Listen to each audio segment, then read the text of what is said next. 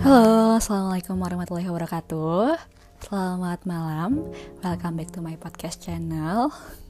Selamat istirahat buat yang hari ini mungkin capek habis kerja, capek habis belajar, atau mungkin ada yang capek habis main ya. Walaupun um, antara kerja, belajar sama main tuh rasanya beda-beda gitu.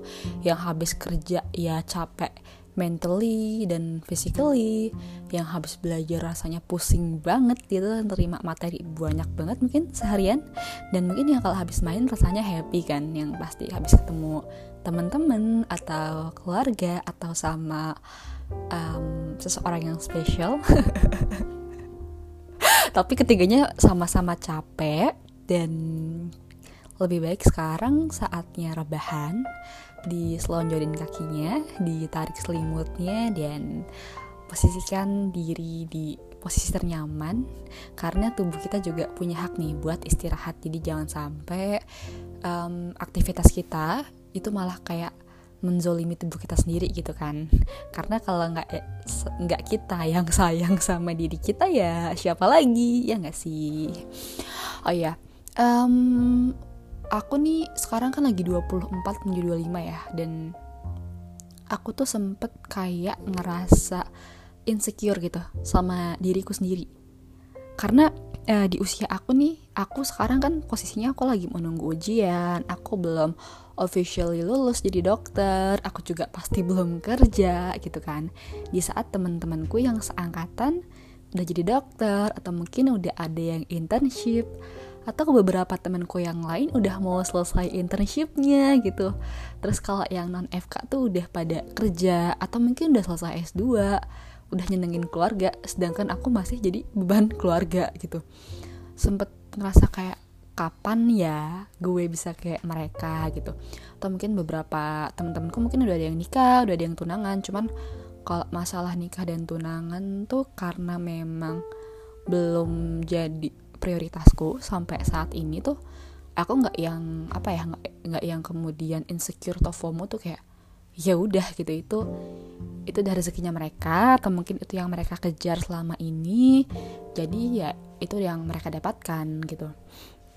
Um, tapi uh, ber beranjak 25 nih sebenarnya aku pribadi tuh belajar banyak hal tentang diriku gitu tentang bagaimana aku mencintai diriku bagaimana aku mengatur kembali hidupku mengatur kembali langkah-langkah yang mungkin aku ambil dan menetapkan tujuan baru di kehidupanku. Um, sebenarnya turning point aku itu ada di 2020 ya 2019 2020 lah. Itu tuh kayak apa ya titik terendahnya hidup aku mungkin saat itu. Um, jadi waktu itu kan aku lagi skripsian ya dan skripsi aku tuh bener-bener rumit banget. Bukan rumit tentang penelitiannya. Kalau untuk penelitiannya sih aku masih bisa overcome ya. Maksudnya masih ada referensi yang masih bisa aku cari gitu. Tapi tentang prosesnya yang bener-bener melelahkan secara mental dan emosi. Juga saat itu mamaku terdiagnosis suatu penyakit infeksi yang sebenarnya cukup berbahaya. Dan aku sempat bolak-balik juga ngurusin mama waktu itu dan aku belajar banyak hal di proses yang sangat menyakitkan ini gitu. Jadi aku pribadi itu sebenarnya uh, karakternya adalah orang yang selalu punya plan tentang kehidupan atau apa yang mau aku jalani. Bahkan kayak seharian aja tuh aku bakal plan kayak aku mau ini mau ini mau ini. Aku udah punya rencana gitu. Terus nanti misal kayak hmm, Februari 2023 aku mau ngelakuin A. Nanti indikator pencapaian aku tuh B C D gitu. Jadi dia kayak udah spesifik itu gitu. Sebenarnya sifat ini bagus sih. Kayak bikin kita itu stay on the track terus bikin kita tetap apa ya keep on going gitu loh sama tujuan-tujuan kita dan driving by purpose. Jadi nggak ada tuh yang yang kayak aku sekolah cuman karena temen aku sekolah. Aku kuliah karena aku bingung aku mau ngapain lagi gitu. Tapi nggak tetap kayak oke okay, aku mau kuliah karena aku mau ini ini ini. Itu udah udah ada tujuannya gitu. Tapi hal yang aku justru nggak pelajari untuk diriku sendiri adalah kemampuan resiliensi gitu. Jadi um, aku tuh ngerasa waktu itu aku tuh selalu sangat keras sama diriku sendiri gitu. Jadi aku kayak nggak bisa nggak nggak bisa tolerance tolerate diriku sendiri. Aku nggak bisa nerima kesalahanku. Aku nggak bisa maafin diriku sendiri dan itu nggak boleh kayak gitu. Nah waktu itu kan aku tuh udah punya tujuan ya kayak kapan aku harus semprop itu udah tercapai. Kapan aku harus semhas dan kapan aku harus lulus. Nah waktu semhas ini tuh sempet tersendat gitu gara-gara sesuatu yang aku nggak bisa kendalikan walaupun aku akhirnya semhas juga tapi habis semhas itu skripsiku gantung gitu loh. Jadi waktu itu aku nggak bisa revisian. Aku bisa, udah bisa ngerjain revisian tapi dosen aku nggak mau ACC jadi penguji aku nggak mau ACC kalau pembimbing aku nggak ACC dan pembimbing aku ini cukup sulit dimengerti. Jadi aku nggak dapat ACC ya waktu itu gitu. Aku sempet terus itu langsung covid ya langsung apa lockdown Februari 2020 itu. Terus akhirnya aku pulang karena aku ngerasa ini udah nggak bisa diapa-apain daripada aku stuck di sini aku harus bayar kosan orang tua aku harus ngirimin uang gitu. Itu kan juga cukup menyusahkan orang tua aku. Jadi aku memutuskan untuk beres-beres kosan terus pulang ke rumah. Kayak gitu waktu itu. Tapi pulang ke rumah itu menyisakan banyak tanda tanya tentang skripsi aku dan jujur aku sangat stres waktu itu. Buat kayak take a rest tapi let the things undone gitu lah jadi aku tuh nggak bisa ninggalin kerjaan yang emang belum selesai. Um, tapi di situ aku belajar menerima kalau aku itu gagal memenuhi ekspektasiku sendiri gagal mm, memenuhi targetku sendiri dan mencoba memaafkan uh, diriku Nah, dari situ aku belajar yang namanya kemampuan resiliensi atau bounce back. Jadi ketika kita menghadapi kegagalan, kita tuh belajar bagaimana kita menerima keadaan, menerima kalau kita gagal, memaafkan diri kita sendiri dan terima kasih sama diri kita sendiri, evaluasi kemudian bangkit lebih tinggi setelah gagal.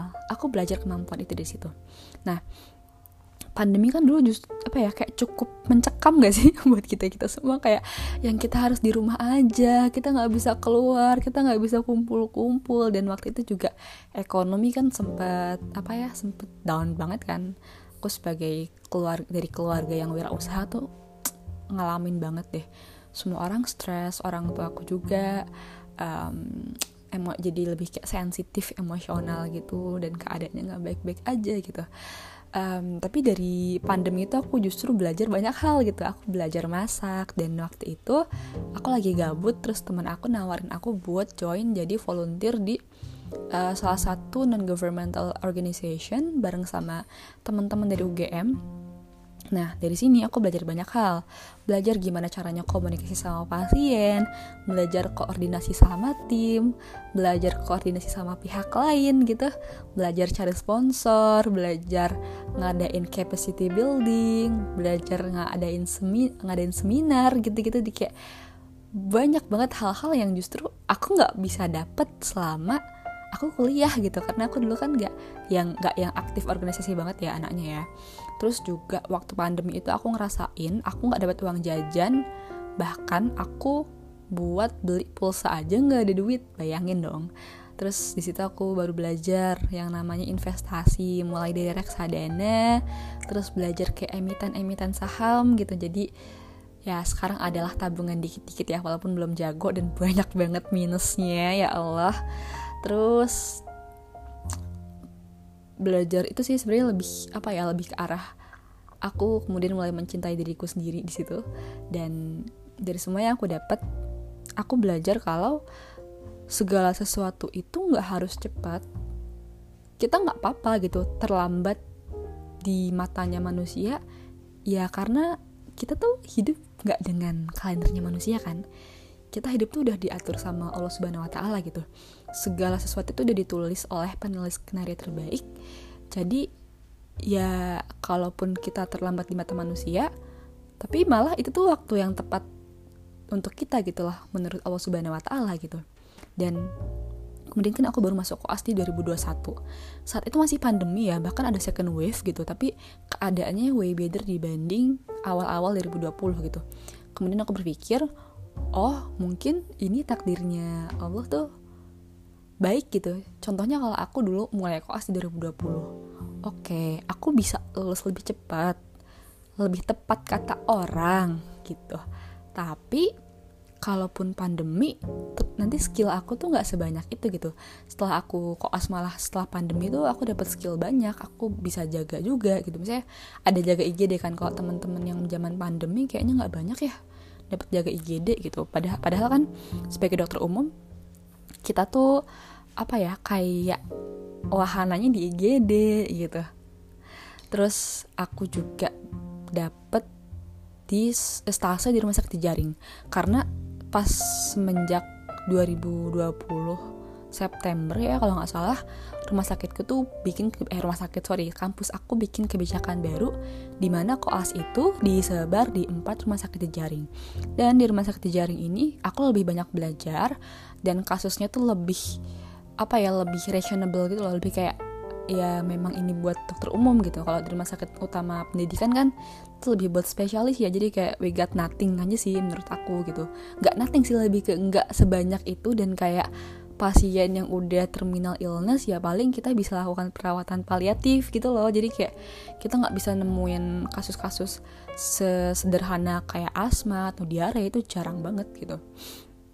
Dan selain aku belajar mencintai diriku sendiri aku juga belajar untuk tidak membandingkan diriku dengan orang lain gitu.